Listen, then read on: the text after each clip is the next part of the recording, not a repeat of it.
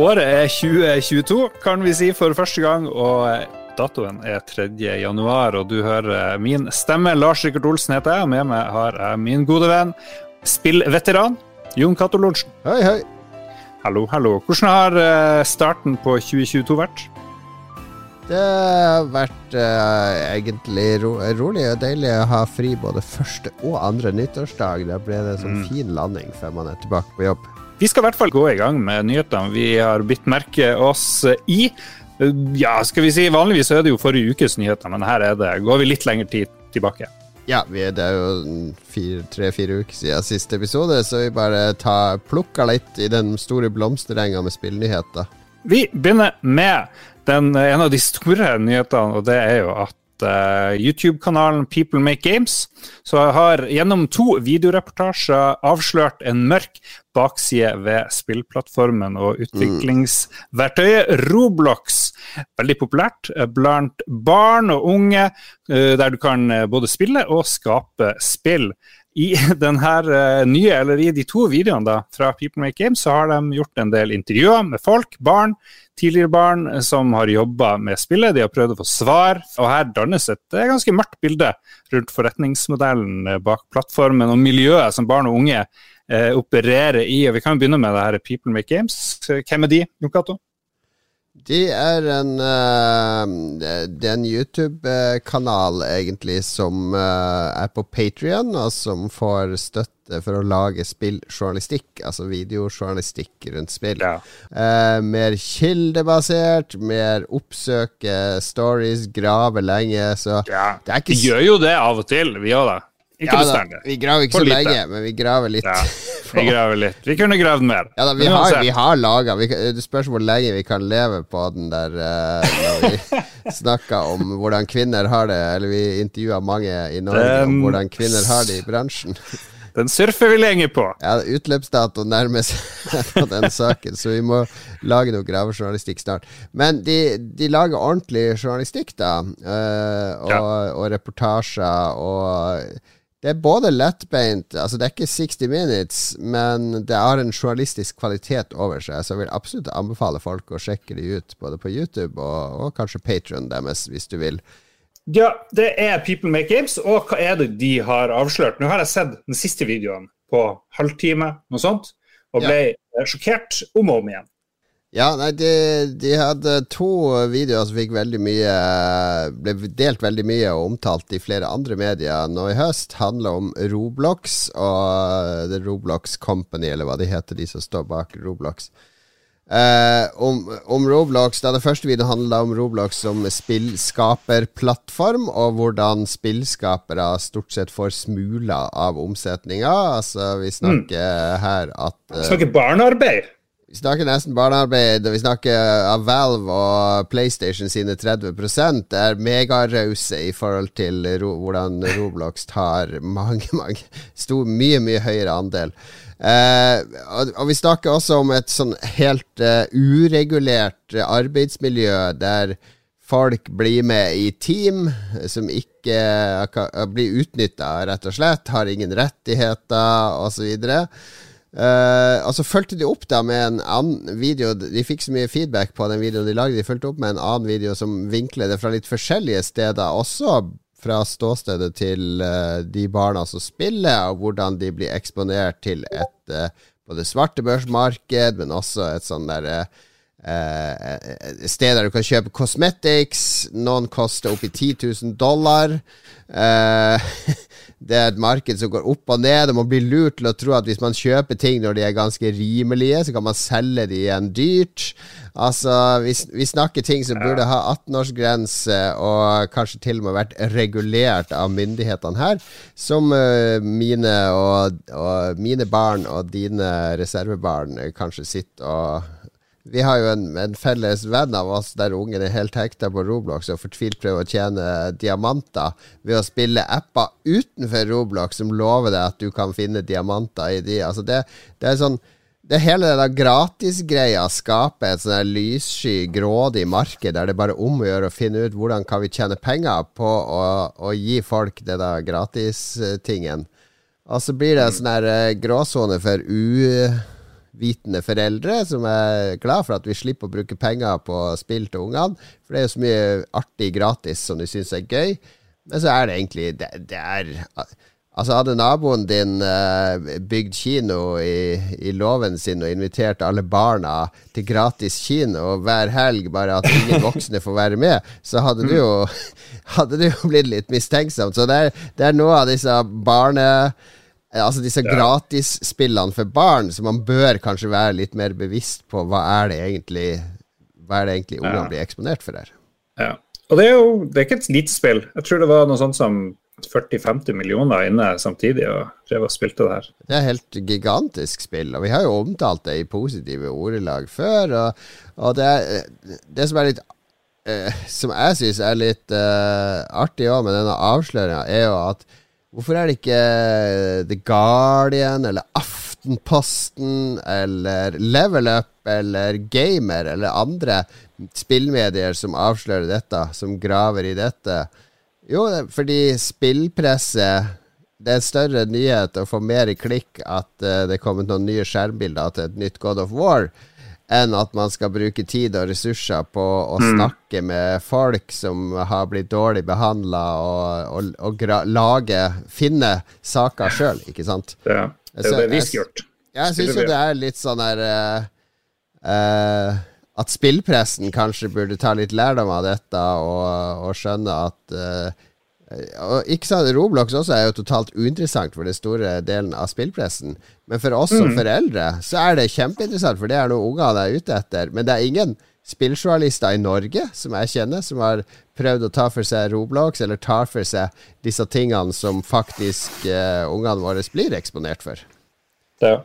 Det er jo masse unger, som du sier, som nå får sin første inntreden i arbeidsmarkedet på mange måter.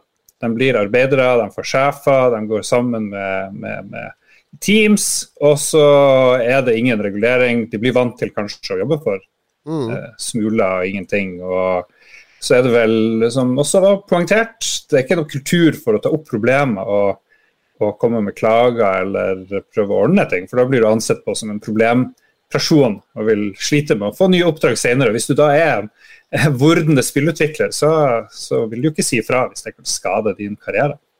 Ja. Vi går over til YouTube-kanalen og podkasten Level Up her i Norge, som er kjøpt opp av Good Game AS. Og eh, Det er jo ikke så lenge siden at Good Game sjøl ble eh, en del av, av, Polaris Media, eller i hvert fall fikk penger eh, fra Polaris Media, som kjørte en såkalt retta emisjon på 10 millioner. Hva er det Polaris Media som ingen av våre lyttere har hørt om? Det finnes jo et, en håndfull store mediegiganter i Norge. Du har Schibsted, som er sånn som VG, og du har Amedia som eh, jeg jobber i, masse små lokalaviser. Så har du Polaris Media, som da er den andre halvparten av eh, grovt sett lokalavisene i Norge. Og det er altså det her Polaris som da også nå eier en del av Level Up, kan man si. Og det er jo litt spennende. Eh, hva tenker vi det her betyr for Level Up, som plutselig ikke er sånt kanskje rent privat entusiastprosjekt, men nå begynner å bli litt sånn tung business, kan det virke som. Nei, det var du som kan hva disse mediebedriftene ønsker å oppnå. Er det sånn at alle de er, uh, har oppdaga nå at podkast er det nye store, og videocontent er viktig, og at de bare går og støvsuger markedet, eller hva, hva, er, hva er, strategien her? Ja, jeg tror du er inne på noe. Nå etter at uh, VG f.eks. Uh, var med og starta en sånn betalingsmur-podkastløsning, så driver jo alle de andre uh, store aktørene, vil jeg tro, å kikke. Nå er ikke jeg en del av de her tingene lenger, men de driver vel og kikker på hvordan skal vi tjene penger på, på podkaster. Så det får de jo med Level Up. Så driver de med video, veldig flinke på video. Som jo er en nøkkel inn til unge eh, brukere og unge folk som men, kan ja, finne på å betale for Hvordan skal de tjene content? penger på Level Up, da? Ikke, de skal jo ikke legge podkasten bak en betalingsmur, sånn som de VG-podkastene. Ja, nei, så det lurer jeg òg på. Så det er kanskje en sånn eh, fremtidig greie hvor de tenker at ja, det her er fornuftig for alle, alle parter. Nå får eh, kanskje guttene i Level Up blir mindre avhengige av eh, crowdfunding. Jeg vet ikke om de tenker sånn, at det var usikre penger. muligens. Du Levd fra hånd til munn på de crowdfunding-pengene, tror jeg. Og så har de jo savna et ordentlig studio, en ordentlig ramme. Jeg tror noe av uh, det som er litt artig med Level Up, eller artig, en observasjon, en refleksjon, det er jo at mm. de kommer fra VG, altså Rune og Carl, ikke sant? Og spesielt Rune, som har vært i VG siden 90-tallet. Så de kommer fra et sted der det er litt sånn ramme på ting. Der du skal eh, Du har et apparat rundt deg som hjelper deg å få ting i gang. Altså Når Level Up var laga der, så var det jo videofolk og andre som var med og tok opp ting. Og så har det mm. gått fra det til å bli sånn do it yourself. Altså vi må lage alt sjøl. Uh, mens de fleste sånn entusiast eh, gamer-mediekanaler eller content creators eller whatever, de kommer fra ingenting og skaper liksom sin egen greie. Så de hatt en sånn reise fra å være i et proft apparat til å bli do it yourself, og nå får de litt mer sånne proffe rammer igjen. Så det var egentlig bare en eh, observasjon. det var ikke noe fornuftig ut av det. Men det, de har vel savna kanskje det å ha et litt eh, bedre apparat rundt seg, og kanskje ha et mer permanent studio og litt mer eh, At du ikke trenger å rigge deg til i stua di hver gang du skal lage en video, ikke sant. Ja. Jeg foreslår at vi tar en uh, kjapp telefon til Rune Fjell-Olsen, og så får vi høre hva de sjøl tenker om det her. Rune Fjell-Olsen, hvordan gikk det for seg det her? Plutselig så er dere i en helt ny verden eh, med, med stor, storfinans eh, og, og milliardselskaper delvis i ryggen. Ja, Det er jo litt morsomt dette her, fordi eh, da Harald Strømme kom inn i norsk spillbransje ved å kjøpe opp Gamer og, og, og starte opp da Good Game, så var jo liksom ok, en rik onkel med masse penger, kanskje vi burde bli kjent med han. og så tok han jo kontakt kort tid etterpå. Um, Eh, med da spørsmål om å samarbeide. Så, så er, Vi har jo jobbet sammen nå ganske lenge. Eh, og det har vært et uttalt mål om at vi, eh, dersom Good Game hadde råd til det, at vi skulle inngå en, en sånn type avtale som har gjort nå. Da. Så dette er noe vi har gått og jobbet for, og ikke egentlig trodd skulle bli noe av. Men så kom jo Polaris inn med masse penger i good game. Så, så da falt liksom alle brikkene på plass. Ja. Så vi var godt forberedt, vi også. Eh, dette har vi både jobbet mot og for uh, i en ganske lang periode. Jon Cato har en teori da vi snakka i sted om det her, om at uh, Level Up kom fra en litt sånn kom fra VG. og så gikk man uh, solo, man gikk indie, og så nå er det liksom å komme hjem på et vis. Litt trygge rammer. Uh, trenger ikke ta all risikoen sjøl. Er, er, det noe i det? Ja, det er mye i det, altså. Vi er øh, Vi startet ikke opp for oss selv øh, fordi vi tenkte at vi kom til å tjene sjukt mye penger på det. Vi starta opp fordi dette er det vi brenner for, dette er det lidenskapen vår. Dette er det vi er flinke til. Så det var på en måte vår eneste mulighet da, til å fortsette øh, med dette her, var å lage vår egen arbeidsplass. Så, så um, vi har jo på en måte hele tiden savnet litt de trygge rammene i VG. og uh, Har litt penger i ryggen og uh, skikkelige budsjetter og utstyr og alt dette her uh, hele veien. Og tenkt kanskje en dag så, så, kan dette bli aktuelt igjen. Så, um, så, for vår del, så det at vi nå har gitt opp måte, kontrollen over selskapet og kanskje også selger resten av aksjene om to år, um, det, det er ikke noe vi gir ikke slipp på noe drøm her. vi bygger bare videre på drømmen om å eh, lage vår egen arbeidsplass. Ja. Det, jo, det må føles godt da, egentlig, å gå inn i 2022 nå med, med en plan? Eh, det føles bare så utrolig godt. Og da har vi sittet i snart seks år på hjemmekontor med skolissebudsjett. Vi har øh, øh, mye, mye, mye lavere lønn enn vi hadde i VG. um, og rett og slett mye mindre å rutte med. Uh, nå går vi da til en arbeidssituasjon hvor vi har vårt eget studio, vi har vår eget uh, kontorplass. Vi har flotte kollegaer, et stort fint kontorlokale midt i Oslo. Uh, vi har fått masse penger til å kjøpe inn utstyr til studio og PC-er og alle disse tingene. og ikke minst så har vi en litt sånn dynamo. da. Eh, salgskraft, markedsføringskraft, noen businessfolk som kan fortelle oss uh, hvilke grep som er riktig å gjøre framover. Og så kan vi konsentrere oss om å lage bra innhold. Så dette er bra for oss også. Det er en veldig, veldig god følelse. plutselig en dag så må dere kjøpe opp dere sjøl igjen. Har du tenkt på det? ja, altså Avtalen er jo sånn at hvis Good Game finner ut om to år at det ikke er lønnsomt å kjøpe oss opp helt, så kan vi ta med oss merkevaren, alle kanalene våre uh, osv. ut av Good Game og lage et nytt selskap uten at det koster oss uh, noe penger. Ah. Så, um, så ja, vi har en, en exit-strategi på det. Som jeg, jeg, tror egentlig jeg tror ikke vi kommer til å bruke den, for jeg tror dette kommer til å gå bra. Men det føles litt godt også uh, å ha den uh, exit-strategien. Og så må jeg også legge til at vi i avtalen vi har med Good Game, ligger det massevis av klausuler rundt uh, Patron-inntektene, hva de skal brukes til, uh, hvordan vi skal jobbe mot Patron videre.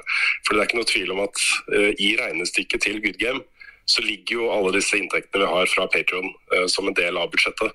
Så dette har vi jo da prøvd også å kommunisere uh, med de som backer oss på Patron. Uh, og jeg tror liksom den viktigste suksessfaktoren for at det fortsatt er en ting, da, at folk fortsatt velger å støtte oss på Patron, det er at vi fortsatt er level up. At vi ikke um, endrer oss til å bli en sånn uh, clickbait corporate uh, uh, content marketing-maskin som, som, spyr ut kommersielt lønnsomt innhold. ikke sant? Så, så, det har vært en forutsetning for oss. Ja. At vi skal jobbe med spill som kultur, og som en, en viktig kultursatsing for, for oss. Det har ikke vært noe flukt, Patrion-flukt, høres det ut som? Ikke foreløpig. Vi, eh, vi, eh, skal jo følge nøye med på det framover uh, også. Men uh, jeg må også si det at um, da vi starta for oss selv, så begynte dette med liksom brukerbetaling og nisjemedier og Patrion og den type ting begynte å bli en ting. Og jeg er ganske sikker på at, at måten man klarer å finansiere gode nisjeredaksjoner med flinke folk som brenner for det de holder på med, og som ikke uh, legger seg på kne for kommersielle krefter, så er det brukerbetaling og uh, folkefinansiering som er uh, en viktig del av det bildet der også, i, framtiden. Så, um, så, om det blir Patrion om fem år, det vet jeg ikke. Kanskje det blir mer sånn klubb eller brukerbetaling eller abonnementsløsning eller noe sånt. Men jeg tror nok alle som er glad i kvalitets nisjestoff, må nok være forberedt på at det kan komme til å koste litt, også noen tiere i måneden i framtiden. Til slutt, er det noe stor premiere på noe sånn helt crazy shit dere skal finne på? Jeg kan jo tease litt. Vi, vi har ikke spikret noe konkret ennå. Mm. Men uh, Polaris Media er jo tungt inne i uh, Good Game med 40 eierskap der. Uh, og er, vil også sitte i styret vårt. Uh, Level Up vil jo være et eget selskap. Mm. Vi har jo faktisk endra navn fra Buffkitten AS til Level Up AS. Det skjedde ved årsskiftet. um, og de er interessert i stoff. Uh, og dette er jo en svær, svær aktør med massevis av lokalaviser og også uh, medier i utlandet og den type ting. Mm. Så, så, det blir det første vi kommer til å sette oss ned og gjøre, er å finne ut er det noe vi kan produsere uh, for Polaris, for deres medier. enten alle eller noen mm. som, som, det kunne svingt litt av. Så, um, så det er jeg veldig spent på også, hva, hva som kommer ut av det. Tusen takk, Rune. Du, bare hyggelig. Det er uh, morsomt at det skjer ting i norske, spill, uh, norske spillmedier. Vil dette bety noe spesielt for norsk spillpresse, tror du? Ja, nå er det jo bare Pressfire igjen, egentlig, som den siste uavhengige aktøren. For nå er jo både Gamer og uh, Level Up under samme paraply. Uh, nå, te nå tenker jeg ja, det er jo vanskelig, det her. Du har jo nerdelandslaget og Radcrew og andre uh, som også lager innhold om spill, men hvis vi skal ta de som har litt sånn journalistisk vinkling, så har vi bare to aktører nå. Stadig flere spillselskaper snuser på blockchains og non-fungible token, såkalt NFT-er. Sist ute er Square Enix, som i sitt nyttårsbrev fra toppsjef Yosuke Matsuda snakker varmt om både metaverse, NFT-er og blockchain gaming. Og Sistnevnte er ifølge Matsuda en ny måte å få spillere til å lage innhold til Square Enix uh, sine utgivelser. Og ja vel, Jeg får sånn dårlig følelse i magen hver gang noen eh, forteller meg og prøver å forklare NFT-er, for det høres helt grusomt ut. Og hvordan skal, hvordan skal dette liksom føre til at vi folk skal få lyst til å lage innhold til spillene til Square Enix? Uh, det, det er nyhetsbrevet fra han der uh, uh, Josuke. Det, det, er begredelig lesning for alle som er glad i å spille spill glad i å ha mm. det gøy med spill.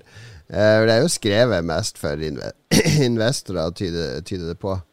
Han ser det som at folk lager innhold i spill. Det er sånn entusiastbasert, fordi folk elsker spill, ikke sant? Har lyst til å, å eksperimentere og lage ting. Og det er jo det som er fint, ikke sant? Men så skriver han I see the play to earn concept. Uh, play to contribute. Han tror at det kan være et insentiv for folk som vil lage innhold, at de vet at de kan tjene penger på det ved å selge det via blokkjede. Altså, det, det, er så mye skivebom i denne talen hans. Det kan godt hende jeg er gammel og utdatert. Jeg kan ikke, jeg kan ikke skjønne hva de vil oppnå. Ha en masse sånne hvis det er de der NFT-folka på Twitter som skal inn og begynne å lage innhold i, i Final Fantasy 16, f.eks., lage kostymer for å tjene penger, sånne ape, apefjes på ryggen til hovedpersonen sin frakk Altså, de skal det er, det er, så, det er så katastrofalt dårlig vurdert. Altså, hva, hva du egentlig vil her jeg leste noe av det her, og han gjør jo som du sier, han deler opp spillere sånn De som spiller for å ha det gøy, de som spiller for å tjene penger. Ja, vi som så, spiller for å ha det gøy, vil ha de her fuckfacene som bare er ute etter å tjene penger på en annen planet. Vi vil ikke ha de i våre spill. De kan holde seg. Det er det som har vært fint med disse free to play mobilspillene. Da har all den bermen holdt seg der. Og, og spredd dritten sin i Roblox og i andre sånne gratisspill. Og så har vi som betaler for spillene våre, kunne få ha det kunstneriske og det gøye og det morsomme for oss sjøl. Slutt å blande inn de greiene her. Du vil ikke ha de på festen din. Eh, til slutt så skal vi gå til noe veldig veldig koselig, nemlig at eh, det fantastiske spillet Hades mottok en eh, Hugo-pris rett før jul. Hugo, hva i all verden er det? Vel, det har vunnet den tradisjonsrike pris som du skal få vite mer om etter hvert. Det er Supergiant Games fra USA som da har fått den første Hugo-prisen for dataspill. Det er et uh, rogue-aktig spill. Uh, verden blir ny hver gang du spiller det. Basert på gresk mytologi. Vunnet masse priser. Og så er du da på det Worldcon, som arrangerer Hugo-prisen. World Science Fiction Convention, står det for. ok, ja, og der vant Hades den her aller første dataspillprisen. Men det er litt sånn usikkert om det her videreføres. Og for de som ikke har hørt om Hugo, det har jo vi som liker science fiction og fantasy-bøker, vi har alle hørt om Hugo, tror jeg. Oh, yeah. Hva er det for noe? Nei, det er, det er jo Det har jo vært en sånn bokpris tradisjonelt sett. Sånn at når vi har vært på Outland eller Spillspesialisten eller Avalon eller hva de het i gamle dager, disse butikkene, og brosa i bokhyllen etter noe ny sci-fi, så var det alltid sånn herre Hugo Award-vinner. Det var sånn godt tegn. Yes. Prisen ble starta i 50-tallet, tror jeg. Ja. Det har vært årlig siden 55 har de delt ut denne prisen. Det er litt mer uh, respekt å få det her enn f.eks. det her uh, Video Game Awards, som virker veldig sånn popkorn. Ja, det er gøy med BAFTA og litt sånn Altså når uh, Altså, vi det er litt sånn norsk. Vi nordmenn elsker jo når norske ting får oppmerksomhet i utlandet. Og vi som liker dataspill, vi liker jo også når dataspill får oppmerksomhet utenfor eh, den lille lukka sirkelen som vi er en del av. Ja. Så, så, det syns jeg er gøy. Og så syns jeg også det er vel jeg har ikke helt skjønt hva de vektlegger, om det bare er spillet sin kvalitet, men jeg, jeg, vil jo tro at det går litt på manus og narrativ og sånne ting er viktig ja. eh, for hvordan ting formidles og sånn. Og det syns jeg er gøy, fordi jeg har fulgt med litt i høst, øh, vinter, på Uh, folk som skriver uh, narrativ, eller jobber med narrativ i spill, uh, de har jo prøvd å bli med i f.eks. Screenwriters Guild i USA, men der, etter noen år med å prøve å samarbeide der, så virker det som det går mot fullt brudd. Fordi Screenwriters Guild krever at alle møter er fysisk i Los Angeles, osv. altså de, wow. og det eneste de er interessert i, er hvordan kan våre medlemmer skrive for spill. Ikke hvordan kan dere som jobber i spill, komme inn og utvide eh, horisontene til oss som jobber med narrativet? Altså, Wow. Sånn at uh, det, det, har, vært en, det er nesten en sak i seg sjøl. Det har vært interessant å følge med på den der uh, kollisjonen mellom det etablerte og uh, på en måte en slags sånn fagforeningstenkinga til disse screenwriter-folkene i møte med disse nye eh, historiefortellerne som, som ikke klarer å få innpass. Det går helt mot uh, Norsk Journalistlag, som vi har vært del av veldig lenge. og Der har man jo tenkt nå en stund ble det jo veldig færre, mange færre journalister. Nå har Der det må gått vi slippe eh, i inn bloggerne! Bloggerne! Nettopp. Folk som driver med video, blogging, så lenge du driver med noe redaksjonelt. Så lenge det er content, så er det journalistikk. Ja, Få dem inn for å pumpe opp medlemstallene. En, en uh, fagforening er jo bare sterk hvis den har nesten alle som jobber i det feltet, eh, med seg. Ja, ja, Så ja. ja, det er jo sånn det funker. Anywho, da nærmer vi oss slutten av uh, Vi er på slutten, fordi det kommer ikke en dritt av spill nå for tida. Ja, vi må det helt til 12. januar for første spill, og det kan vi snakke om neste gang. Ja, det var nettopp det jeg skulle over til. Vi bruker å avslutte med spillene, men det gjør vi ikke, for her var det absolutt ingenting. Så i stedet går vi rett på årets første råd. Eh, jeg ser du gjesper. Få Nei, da, nå er tida Benytt den av tørken til å plukke opp noen perler fra i fjor. Jeg har akkurat lest uh, The Guardian, den britiske avisen sin uh, liste over de beste spillene fra i fjor. Flere der jeg ikke har spilt. Jeg har kjøpt eh, to av de allerede, som jeg har tenkt å spille og snakke om i Lolbua de neste ukene. Oi, oi, oi. Følg med. Hør lytt til Lolbua hver onsdag. Nå tror jeg det blir eh, den som kommer denne uka. Da blir det noen spådommer. Vi skal se på spådommene vi kom med i fjor. For året som gikk, og så skal vi komme med nye spådommer. Gud hjelpe oss. Spoiler, vi traff ikke på veldig mye. Den er god. Ha det bra, alle sammen. Vi høres om en uke. Ha det.